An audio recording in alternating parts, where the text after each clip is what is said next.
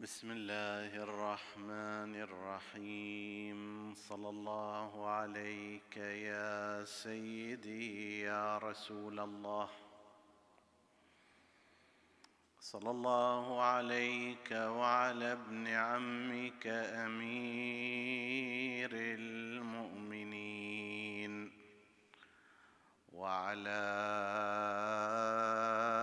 أهل بيتك الطاهرين. صلى الله عليك يا سيدي ويا مولاي يا أبا عبد الله الحسين. ما خاب من تمسك بكم وامن من لجأ إليكم يا ليتنا كنا معكم فنفوز فوزا عظيما.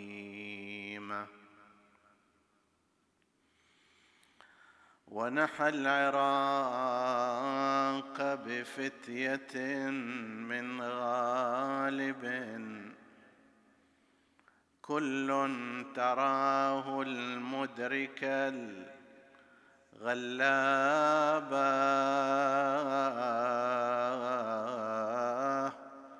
صيد إذا شب الهياج.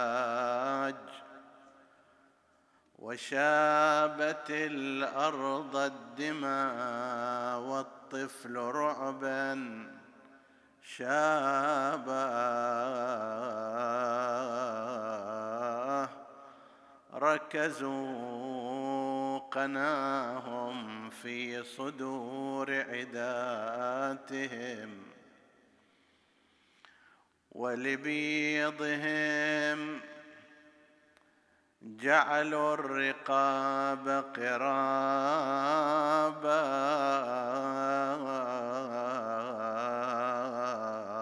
فهووا على عفر التراب وإنما ضموا هناك الخرد الاتراب يا لم أنسه إذ قام فيهم خاطبا.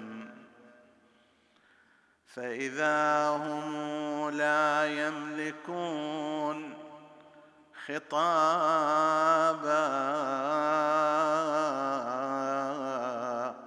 يدعو ألست أنا ابن بنت نبيكم؟ وملاذكم إن صرف دهر نابا هل جئت في دين النبي ببدعة؟ أم كنت عن أحكامه مرتايا؟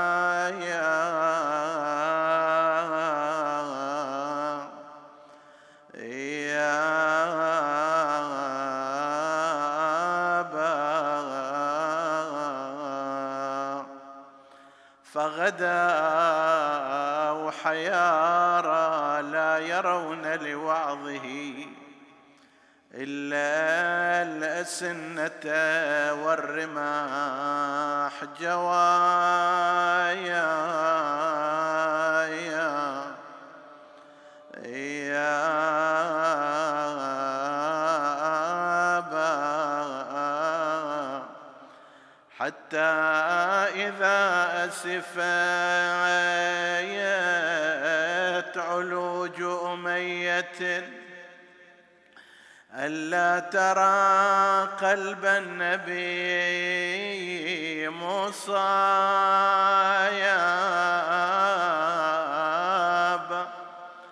صلت على جسم الحسين.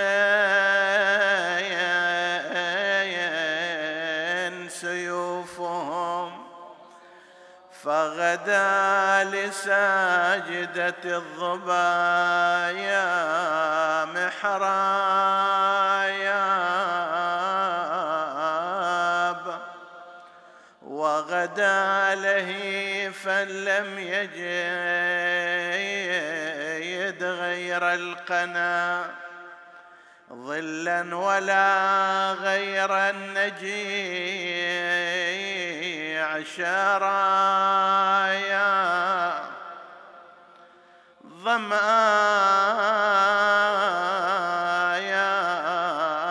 ذاب فؤاده من غلة لو مست الصخر الأصايم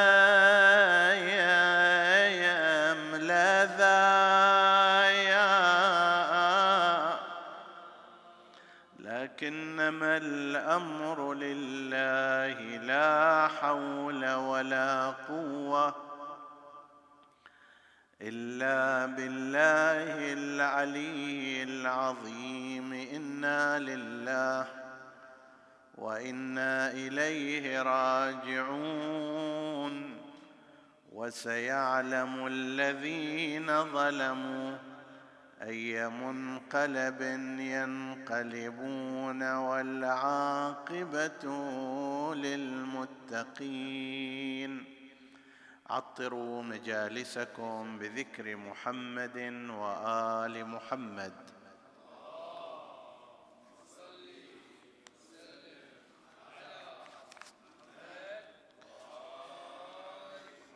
اللهم صل على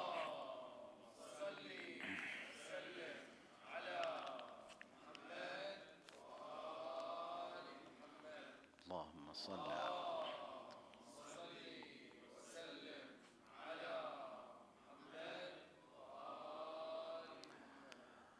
حديثنا هذه الليلة بعنوان السلام على الحسين بخصائصه ومصائبه. بعد أن تحدثنا في ليلة مضت عن أن زيارة الناحية المقدسة تبدأ بالسلام على الأنبياء وتعد نحوا من عشرين نبيا من الأنبياء. يسلم الزائر عليهم ويذكر خصيصة من خصائصهم.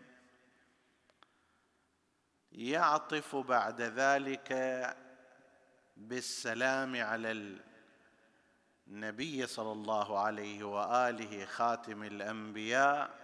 ثم فاطمة الزهراء ثم الحسن المجتبى وبعد ذلك يبدأ بالسلام على الحسين صلوات الله وسلامه عليه ويعدد جملة من خصائصه ومن من ومن ما جرى عليه من المصائب.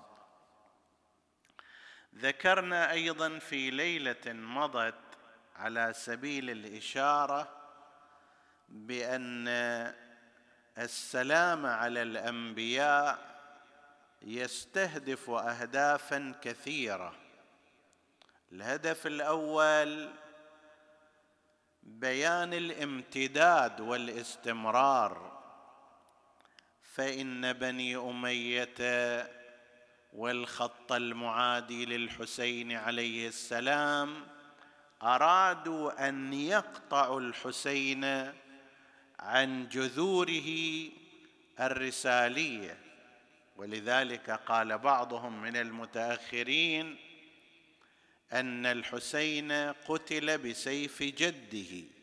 يعني هذا ما بينه وبين جده النبي اتصال في المسيرة. هذا خالف توجيهات رسول الله الزيارة تجي تقول لا مو هنا. ان الحسين عليه السلام امتداده إلى آدم مو إلى رسول الله فقط. اتصاله الرسالي وحدة المنهج مو مو فقط في رسول الله ومرحلة رسول الله وإنما كل الأنبياء الذين عددناهم وذكرنا أسماءهم وأولهم آدم صفوة الله صفوة الله من خليقته. إلى هناك ترجع جذور حركة الحسين عليه السلام واختياره مقاومة الظلم والظالمين. فمو أنت تجي تقول هذا هل مثلا كان امتدادا لجده أو لا أو بعضهم لما يجي أكثر من هذا يقول وهذه عند حجة عند أتباع الاتجاه الأموي ولقد نصحه كثير من الصحابة بعدم الخروج فلم يقبل نصحهم. قضية مو قضية صحابة وأشخاص عادي أشخاص عاديين ينصحون لا.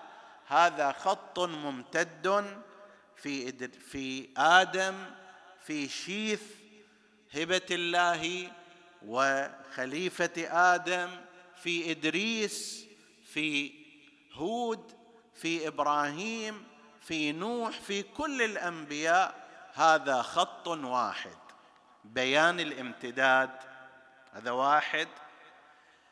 الثاني من الأمور بيان جهة الارتباط بالله عز وجل. أولئك كانوا صفوة الله في خلقه على مستوى النبوة والحسين عليه السلام صفوة الله في خلقه على مستوى الإمامة بعد رسول الله. اصطفاه الله واصطفى ذريته في هذا الاتجاه فبيان وحدة الدور أيضا وحدة الاصطفاء وحدة الاختيار والانتجاب. هذا أيضا تشير إليه هذه التسليمات على الأنبياء. وأخيرا بيان أنه قد جرى على الأنبياء من البلاء ما جرى. انتقضت عليهم تلك المجتمعات الكافرة عارضتهم خالفتهم حاربتهم قتلتهم ولكن الله سبحانه وتعالى خلد ذكر هؤلاء الأنبياء وأبقاهم قدوات للبشرية. فكأنما يراد أن يقال للزائر الحسين وإن جرى عليه ما جرى إلا أن هذا الأمر جرى على سائر الأنبياء وهم له أسوة حسنة في هذا الجانب وأن قتله كقتلهم لم ينهي ذكرهم ولم ولن ينهي ذكره بل سيبقى خالدا.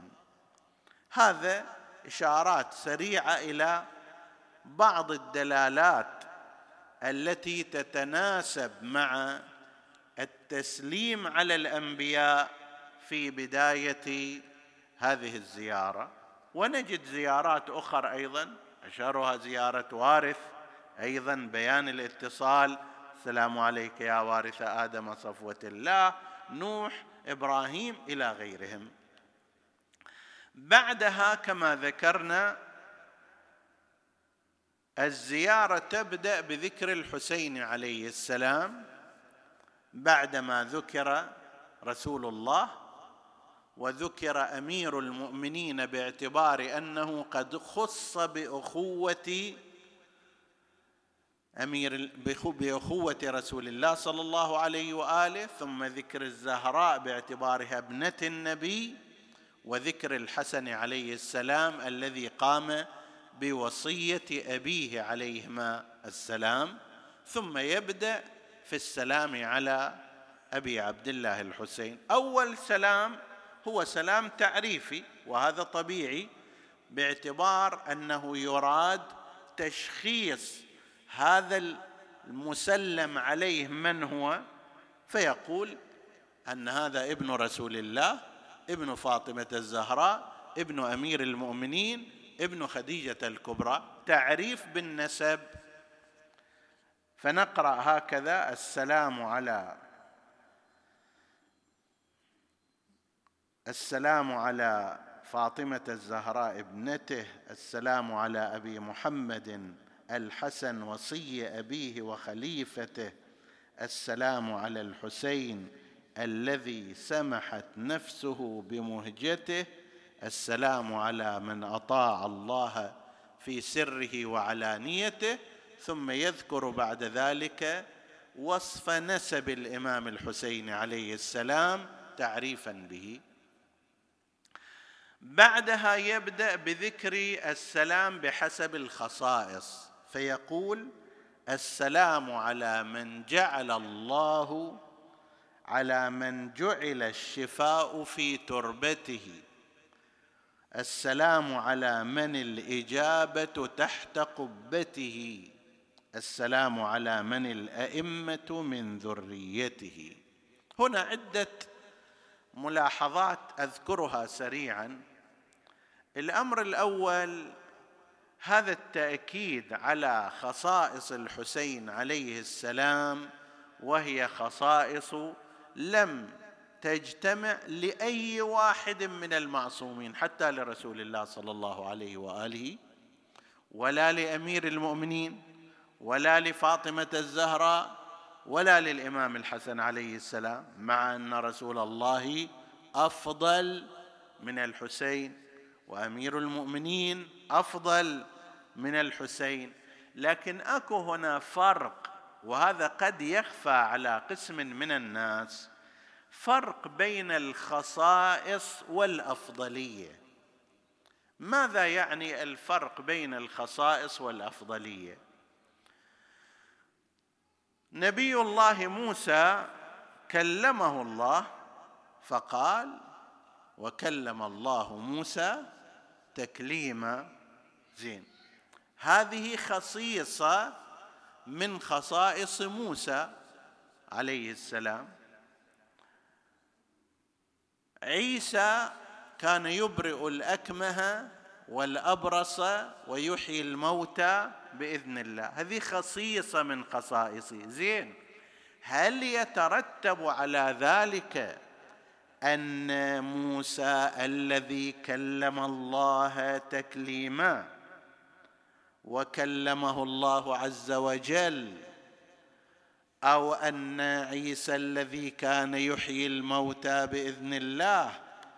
وهذه لم نرها مثلا في سائر الأنبياء. بالنحو الذي رأيناها في موسى وعيسى. هل يترتب عليه أن يكون هذا أفضل؟ كلا. بلا ريب أن نبينا المصطفى محمدا.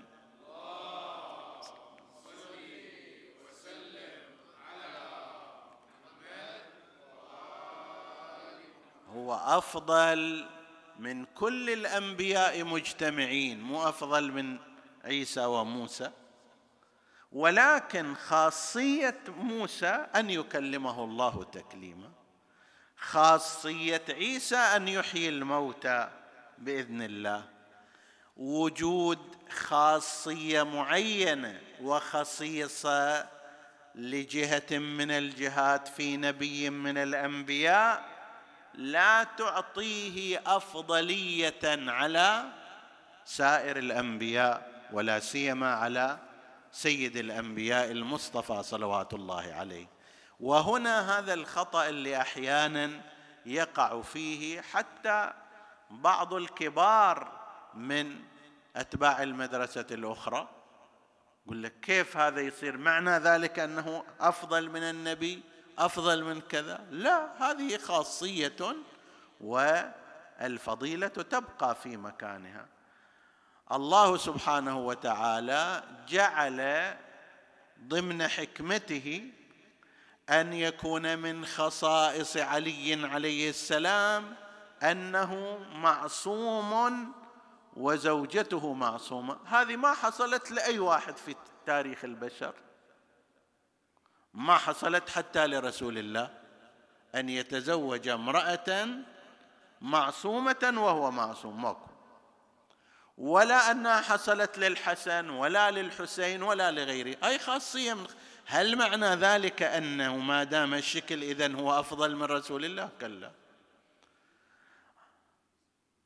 علي عليه السلام كان صهرا لنبي. هو سيد الأنبياء. النبي لم يكن صهرا لنبي من الأنبياء. هذه خاصية لا تعني الأفضلية. كذلك بالنسبة إلى الحسين عليه السلام الله اختصه بخصائص منها أن جعل الشفاء في تربته. حتى أن عندنا مثلا نهي في بعض الروايات عن التداوي بترب المعصومين عليهم السلام. هل هذا نهي عام وفي كل الأزمنة أو لا في زمان خاص؟ هذا بحث في مكان آخر. ولكن عندنا أنه لا لا تتشافى وإنما روح إلى تربة الحسين عليه السلام. هاي في هذه الخاصية. زين هل معنى ذلك أنه الحسين أفضل من أبيه علي؟ كلا. جعل استجابة الدعاء تحت قبتي لأن أكو عندنا قبة رسول الله أكو عندنا قبة أمير المؤمنين قبب سائر الأئمة عليهم السلام.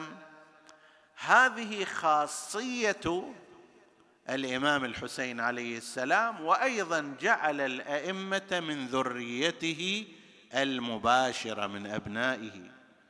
وإلا ترى الأئمة أيضا ينتسبون إلى الإمام الحسن المجتبى. بعد أيام تكون ذكرى شهادة زين العابدين عليه السلام وزين العابدين تزوج بنت الإمام الحسن المجتبى. فالإمام الحسن المجتبى أيضا جد الأئمة من جهة أمهم لكن الامتداد المباشر أبناء صلبيين هاي خاصية الإمام الحسين عليه السلام فهو يسلم عليه من هذه الجهة. السلام على من جعل الشفاء في تربته. السلام على من الإجابة تحت قبته. السلام على من الأئمة من ذريته من ذريته المباشرة الصلبية. طيب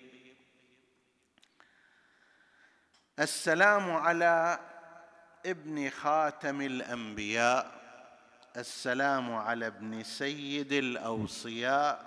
من هنا فصاعدا بعد. أيضا هي في الخصائص قبل أن يمهد لذلك بذكر السلام عليه بحسب مصائبه. السلام على ابن خاتم الأنبياء. السلام على ابن سيد الأوصياء السلام على ابن فاطمة الزهراء السلام على ابن خديجة الكبرى السلام على ابن سدرة المنتهى السلام على ابن جنة المأوى. شنو هذا؟ الآن نقول ابن خديجة الكبرى واضح جدته بعد أم أم أمه فاطمة فهي جدته يكون ابنها يكون ابنها.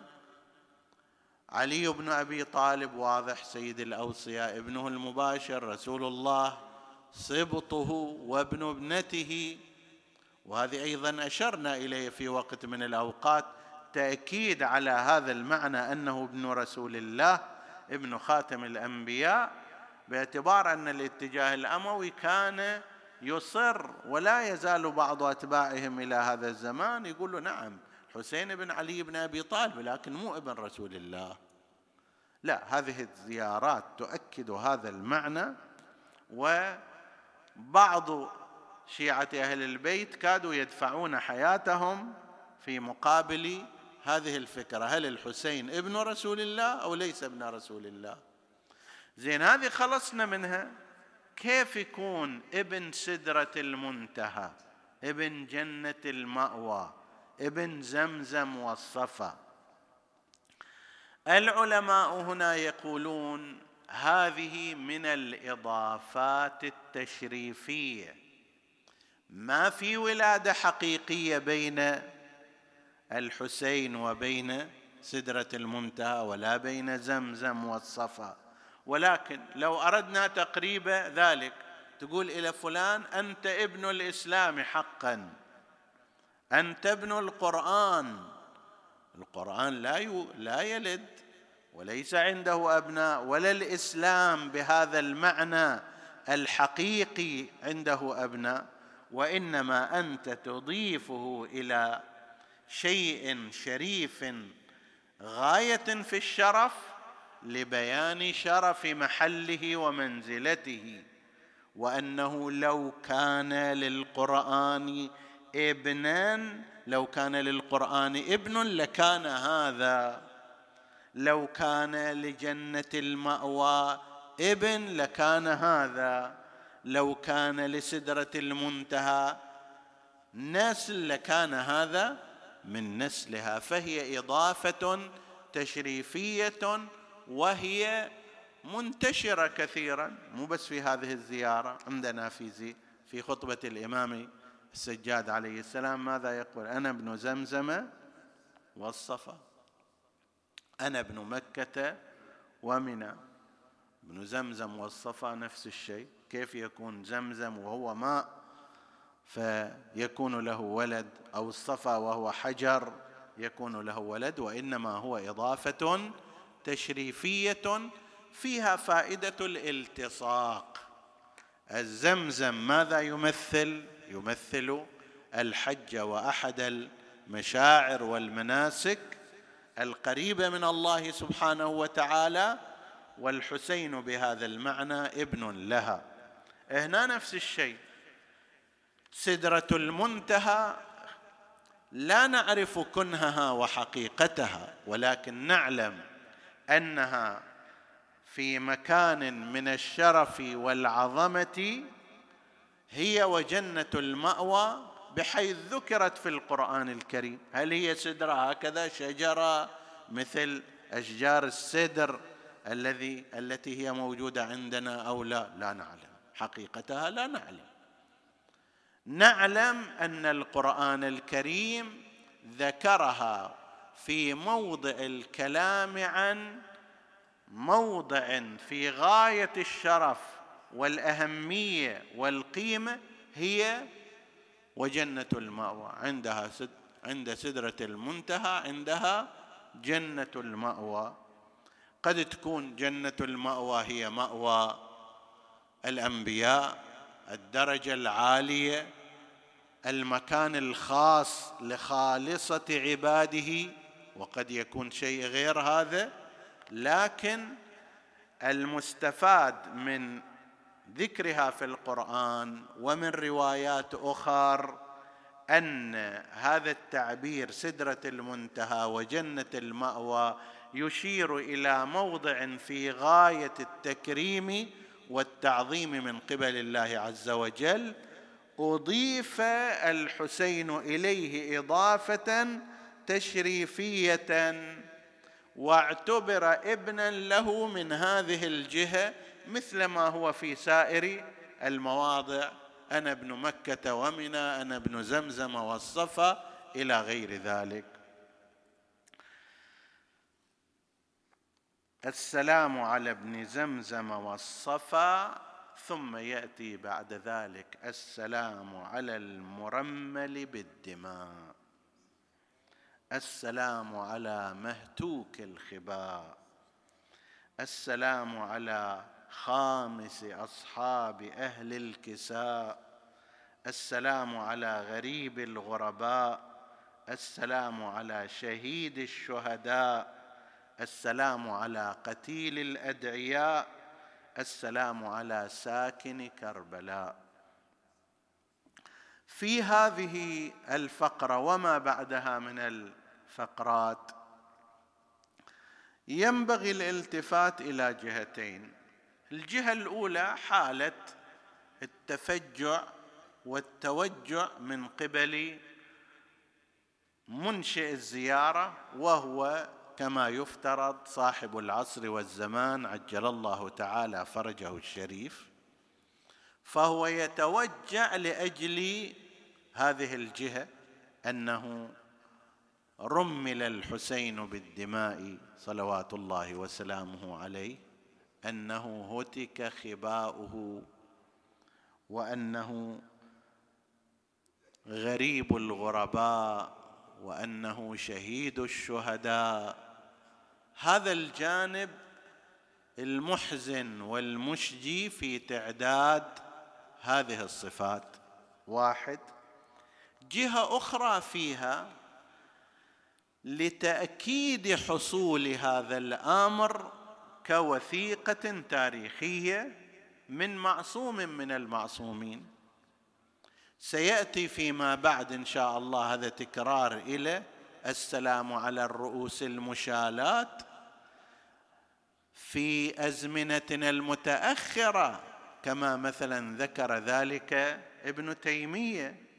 هذا واحد من أعمدة الخط الموالي لبني أمية. يقول ما كان أكو لا تشهير بالرؤوس ولا روحه ولا جية ولا رماح ولا ودوا إلى الشام ولا كذا. لا ما كان هذا الحكي. فلما تجي شو لما يجي شاهد عيان وهذا نستفيده من خطبة السيدة زينب عليه السلام وسكينة وأم كلثوم في الكوفة ثم في الشام بالإضافة إلى زين العابدين عليه السلام أكدوا على حدوث هذه الأمور ضمن خطبهم.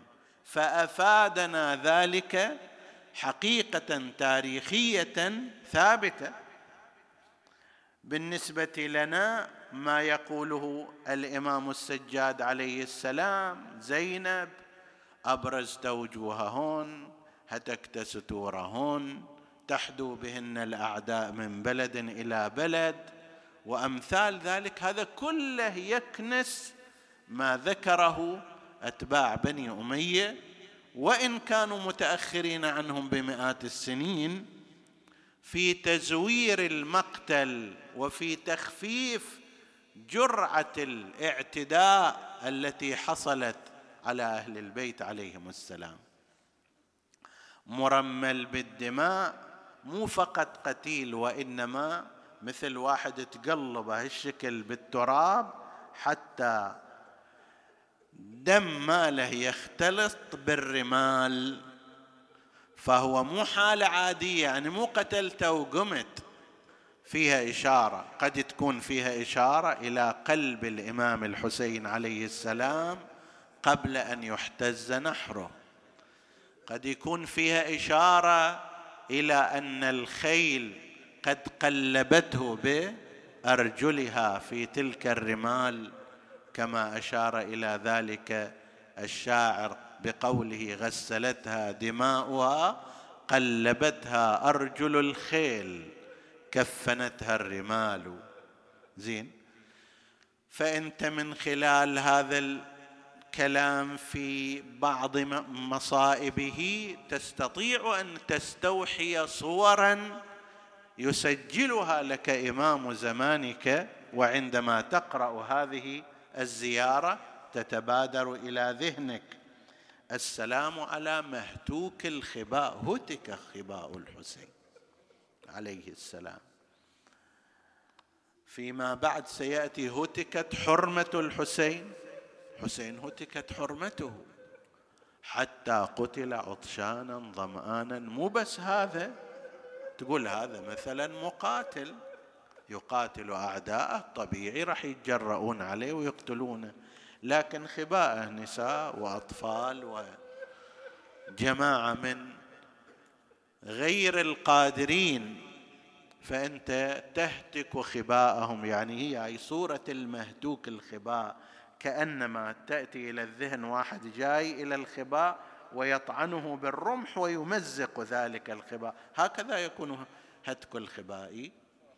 أكثر من هذا فيما بعد ذلك أحرق ذلك الخباء. أول هتك سلب ثم أحرق أحرقت الخيام. السلام على خامس أصحاب الكساء. فيها لفتة عقائدية أن أهل الكساء هم خمسة لا أكثر وهم أهل البيت الذين طهرهم الله تطهيرا. السلام على غريب الغرباء. معروف عندنا الآن في الذاكرة الشعبية الشيعية أن الإمام الرضا هو غريب الغرباء باعتبار بعد المسافة وكون قبره منفرد عن سائر المعصومين. لكن هنا هذه الزيارة تقول غريب الغرباء هو الحسين عليه السلام. تجمع غرباء الدنيا كلهم شوف غربتهم فوق تلك الغربة غربة الحسين صلوات الله وسلامه عليه. السلام على شهيد الشهداء. شهيد الشهداء مساوية إلى سيد الشهداء. يعني لو تجمع بين المؤمنين من الشهداء كلهم تجمعهم هناك شهيد فوقهم أعلى منهم سيدهم هو شهيد الشهداء أبو عبد الله الحسين سلام الله عليه. السلام على قتيل الأدعياء السلام على ساكن كربلاء. قتيل الأدعياء هم تشير إلى ما ورد في الروايات أن من باشر قتل الحسين عليه السلام والإعتداء عليه ليس من ولد الحلال وقد صرح صلوات الله وسلامه عليه. هو بنفسه فقال ألا وإن الدعي ابن الدعي قد ركز بين اثنتين. ويذكرون في أحوال شمر بن ذي الجوشن لعنة الله عليه أن أمه كانت تمكن من نفسها وهي ذات زوج وقد حصل هذا وهي في طريقها إلى الكوفة فأعطت نفسها إلى من يكون كذلك. ذكر هذا بعضهم في كتب مثالب العرب ونحن لا نستغرب الثمار تدل على الشجرة. أنت شجرة تعطيك الرطب تبين لك أن هذه نخلة لكن إذا جابوا لك ثمرة حنظل ما يمكن أن تكون هذه قد أنتجتها شجرة الكرم والعنب. الثمار المتأخرة قد تدل على الأصول المتقدمة. قتيل الأدعياء قتيل الذين لم يولدوا على فراش طاهر. على مختلف المستويات مثل هذه الرو مثل هذا السلام. ينبغي أن يفتح العين على كل الذين شاركوا بنحو الأمر الأصلي أو الأمر الفرعي أو التنفيذ أو المباشرة في قتل الحسين عليه السلام. وهل أنه تصح نسبتهم إلى آبائهم؟ أو أنهم كانوا أدعياء في هذه الصورة. السلام على من بكته ملائكة السماء. السلام على من ذريته الأزكياء. السلام على يعسوب الدين. السلام على منازل البراهين. ملائكة السماء بكت الحسين عليه السلام واللطيف أن عندنا روايات في أيام أمير المؤمنين عليه السلام فيها إشارات إلى أن السماء سوف تبكي على الحسين عليه السلام. في مصادر الإمامية أن الإمام امير المؤمنين عليه السلام كان جالسا في الكوفة فسأله أحد عن قوله تعالى فما بكت عليهم السماء والارض. زين؟ شلون هذه؟ كيف بكاء السماء؟ فشرحها له في هذه الأثناء مر الإمام الحسين عليه السلام قاصدا أباه أمير المؤمنين فأشار الإمام عليه السلام إلى الحسين وأخبر أصحابه وقال لكن هذا من الذي تبكي عليه السماء والأرض.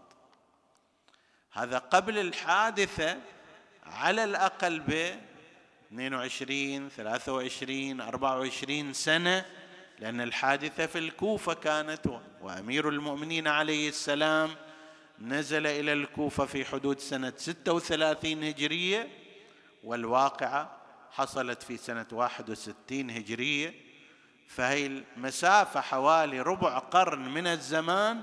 أخبر الإمام أمير المؤمنين عليه السلام أن السماء تبكي على الحسين عليه السلام. وهنا يؤكد هذا المعنى من قبل الإمام الحجة كما يفترض أن هذه الزيارة منسوبة له السلام على من بكته ملائكة السماء.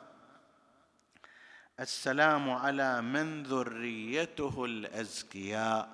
ذرية هنا المقصود بها خصوص أئمة أهل البيت عليهم السلام وهم الأزكياء المعصومون الذين أمر الإنسان باتباعهم. هنا يقول هنا يقول من ذريته الأزكياء وهناك في الأعلى يقول من جعلت الأئمة من ذريته. التطابق هذا موجود بين الاستعمالين؟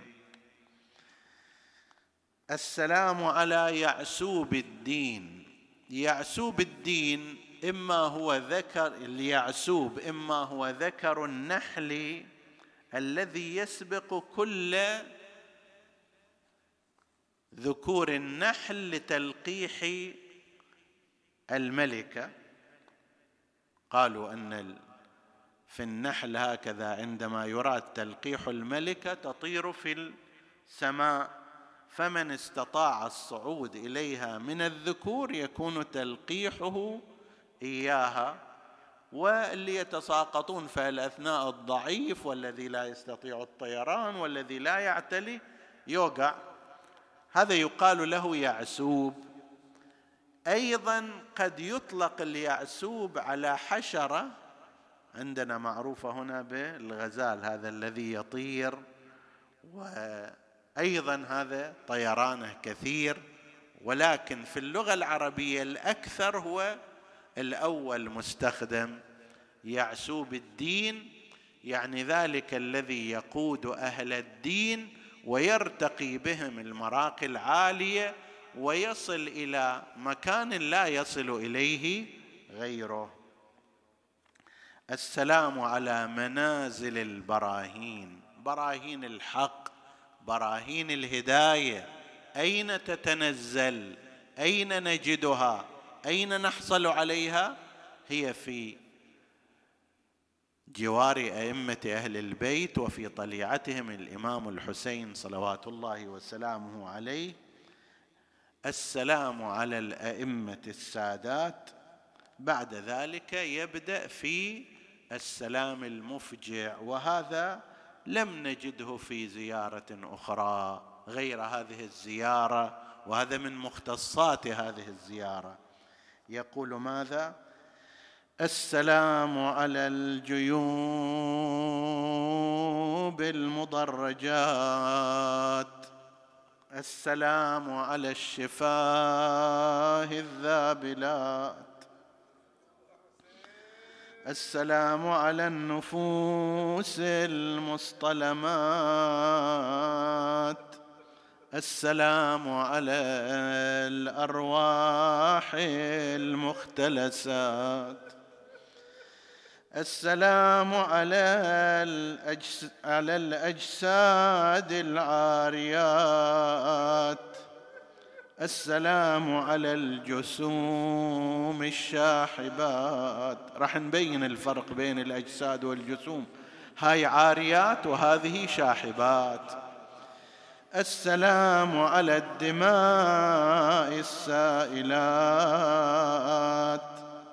السلام على الأعضاء المقطعات. السلام على الرؤوس المشالات. السلام على النسوة البارزات. مقطع حزين وشجي وصور في تبعث على الأسى وتبعث في القلب حرقة على ما حصل لأهل بيت النبوة. يعني هذه الأمة حقيقة الإنسان يتعجب أحيانا. هذه الأمة لو ما كان أحد يوصيها بالمودة في القربى كان يفترض عليها من الناحية العقلية من الناحية الأخلاقية أن تحسن إلى ذرية رسول الله لأنه جاءهم وكانوا قلة ذل أذلة حقراء بين الأمم جهلاء أخلاقهم أخلاق يجل عنها الحيوانات يقتل بعضهم بعضا العفة بينهم غائبة. فجعلهم رسول الله خير أمة أخرجت للناس. جعل فيهم العلم عودهم على الأخلاق بصرهم طريق الحياة أعطى لوجودهم هدفا. زين هذا الذي صنع بكم هكذا ما هو المفروض أن تصنعوا معه. هو أيضا انتقل إلى رضوان الله. أليس المرء يحفظ في ولده؟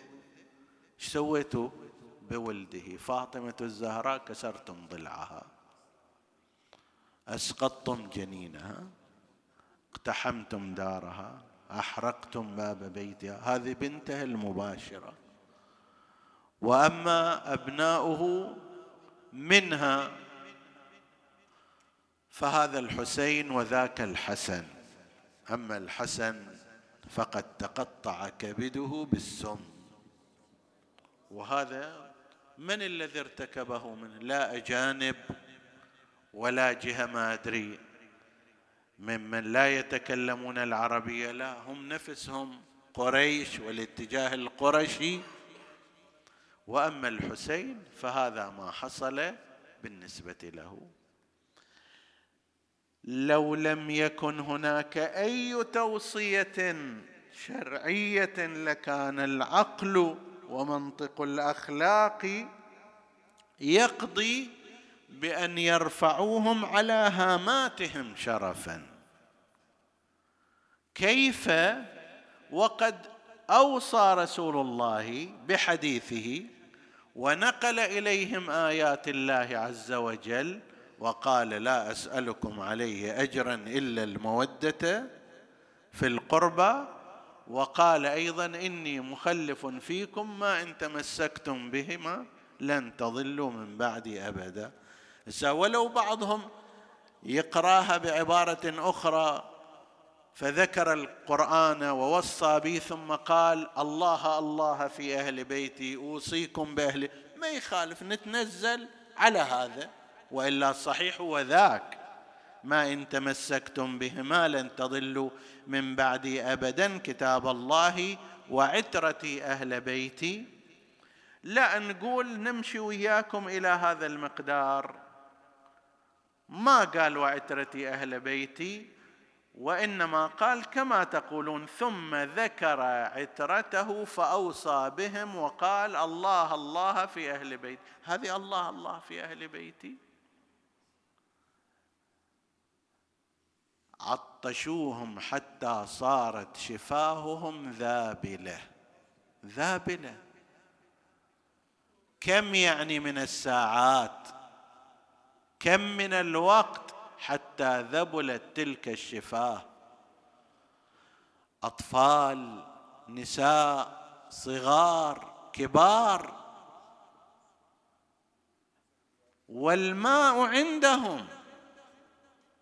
يعني هذه الحقارة هذا الشناعة هذه الوقاحة إلى هالمقدار الماء على بعد قريب ولكن لا لا بد أن تذبل شفة عبد الله الرضيع وأن لا يشرب الماء وأن تذبل شفاه النساء سكينة وفاطمة وأم كلثوم والصغيرات والكبيرات. وأما الرجال فحدث ولا حرج. لذلك لما يجي هنا السلام على هؤلاء فعلا الإنسان يحتاج إلى أن يتأمل فيه. السلام على الجيوب المضرجات الجيب هو هذه المنطقة. يضرج بالدم كناية عن أنه طعن في قلبه. هل هذه إشارة إلى الحسين عليه السلام عندما رمي بذلك السهم فوقع في أحشائه أو في باقي الأشخاص؟ حبيب بن مظاهر جاءه رجل فطعنه في ظهره فخرج الرمح من صدره.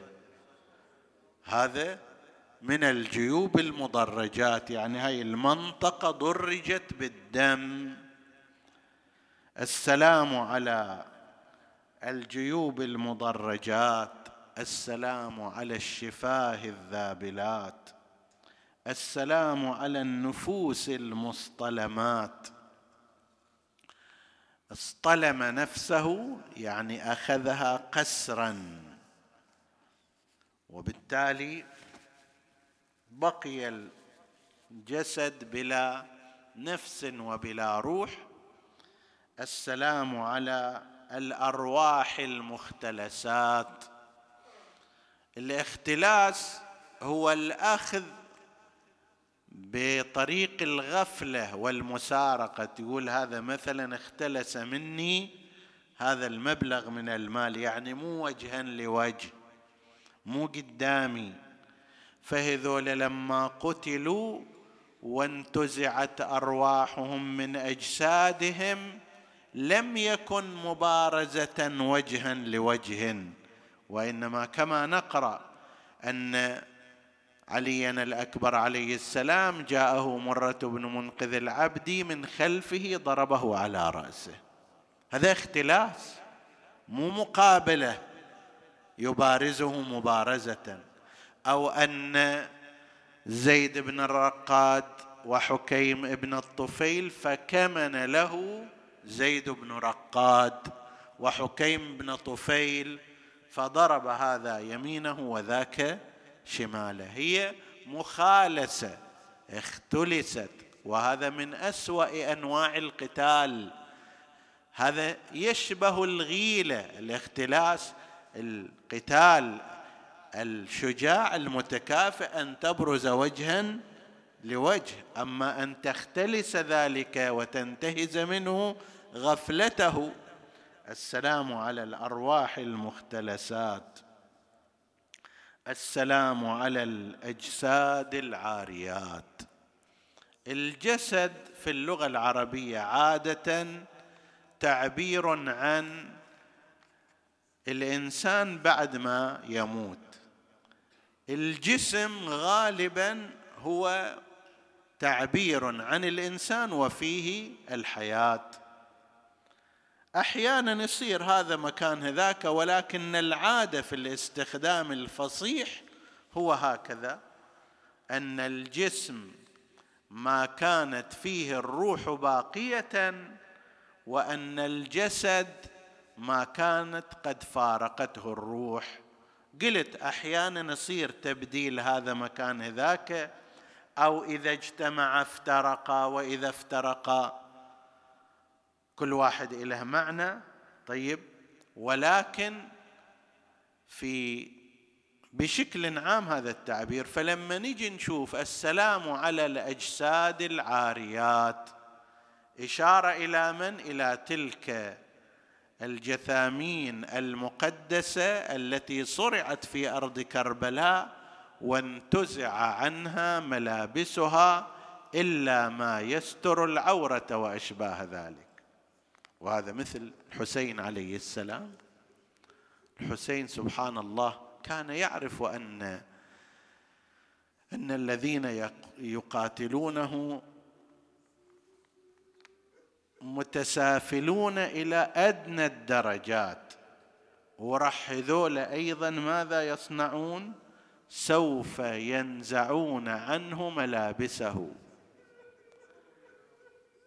راح ياخذوا عمامته مع أن العمامة ستكون ملطخة بالدم. ولما أخذوها أيضا الشكل نتصور مثلا واحد عليه غترة حسب التعبير أو عمامة وهذه الآن مليئة بالدم. شنو قيمتها؟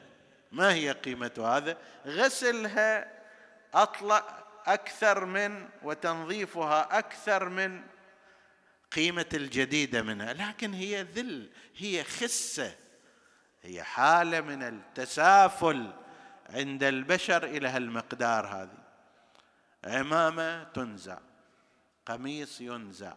فطلب من أخته زينب عليها السلام قبل أن يبرز إليهم أن تأتيه بثوب مثل الملابس الداخلية الآن يجعله تحت ملابسه حتى إذا نزعت هذه الملابس الخارجية من الرداء من العباءة من القباء هذا يكون عليه وقد فعلوا ذلك لعنة الله عليهم. فبقي جسد الحسين عليه السلام.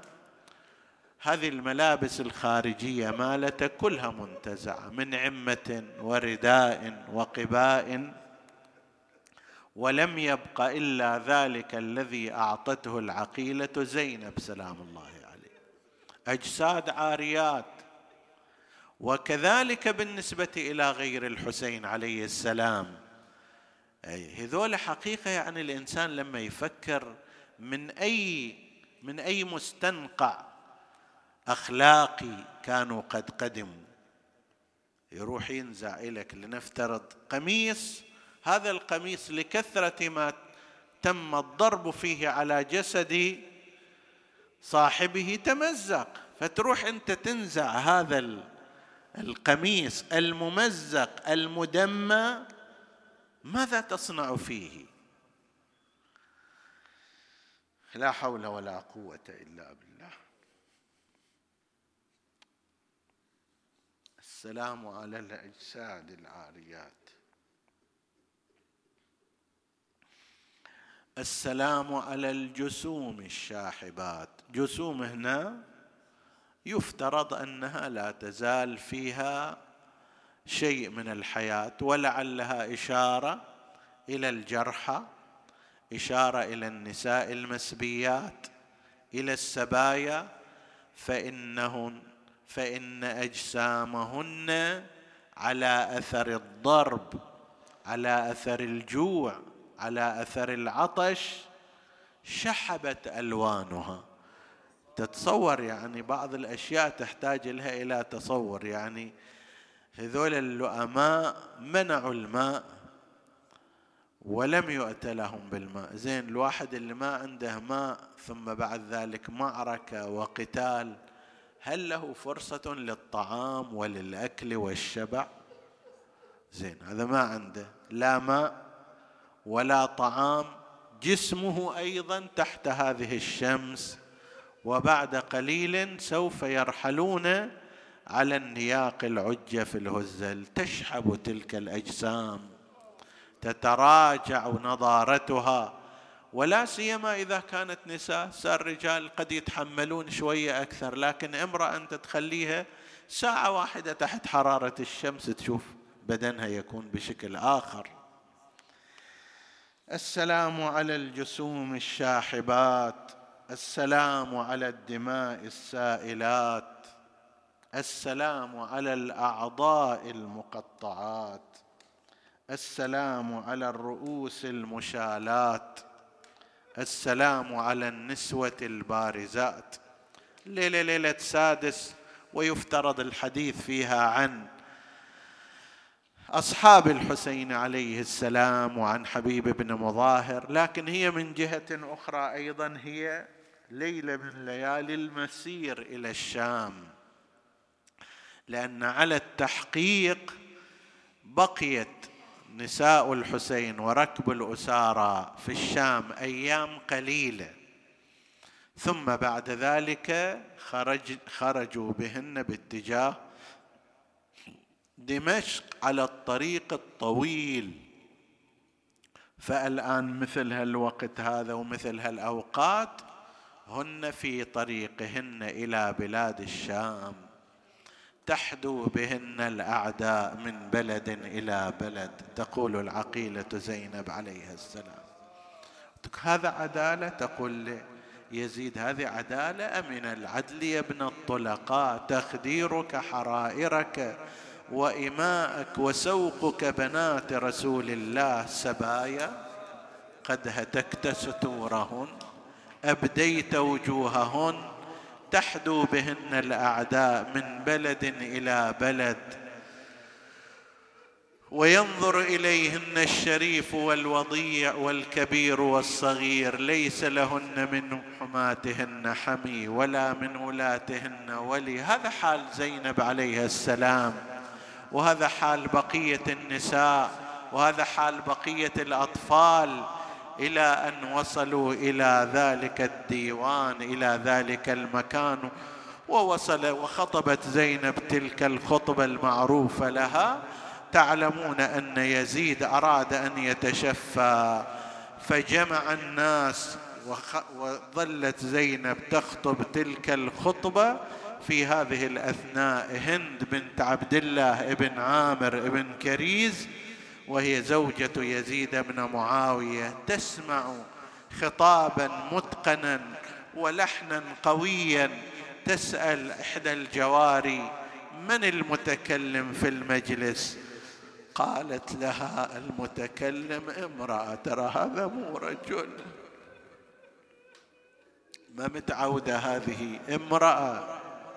ما متعودة أن امرأة تخطب في المجلس؟ هذا ديوان رسمي. قصر الإمارة. إذا في سفراء إذا في ما أدري كذا أجانب غيره. أو شاعر رجل أما امرأة تيجي تخطب قالت لها امرأة قالت بلى قالت انظري من هذه المرأة. شيء غريب غير معتاد.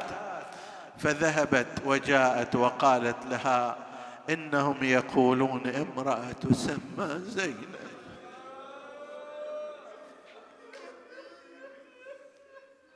ويحك زينب في النساء كثير. منو زينب؟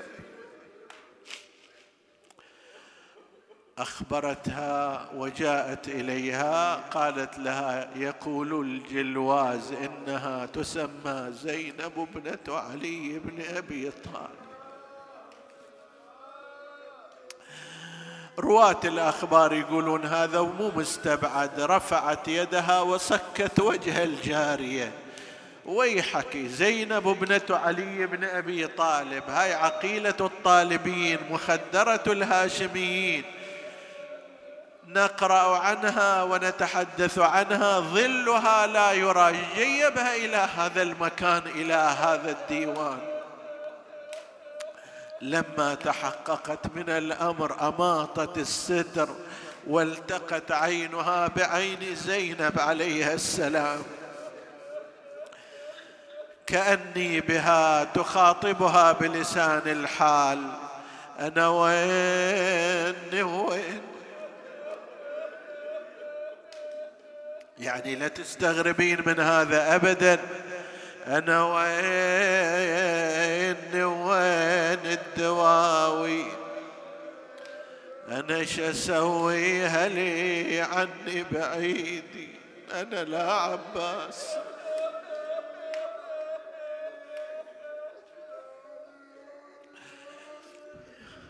أنا لا عباس يبرالي ولا حسين. صدق أنت زينب؟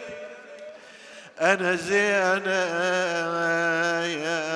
أنا زينب اللي يحجون عني. أنا سليت المصايب ما سلني. أنا تمرمريت من زغر سني.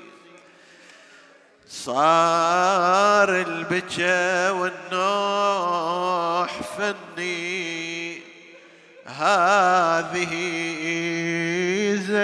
يلعبون ومن قبل كانت بفنا دارها تحط الرحال أمست اليوم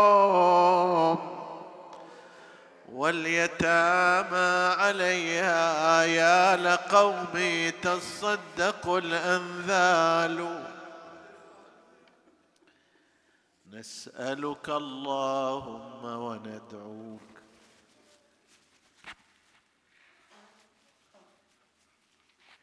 باسمك العظيم الأعظم الأعز الأجل الأكرم يا الله.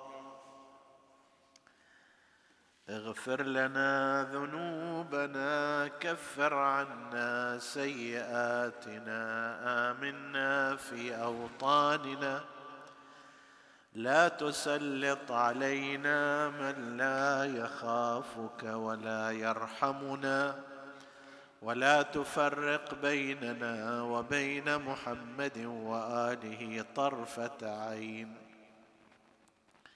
احفظ اللهم إخواني السامعين فردا فردا واقض حوائجهم.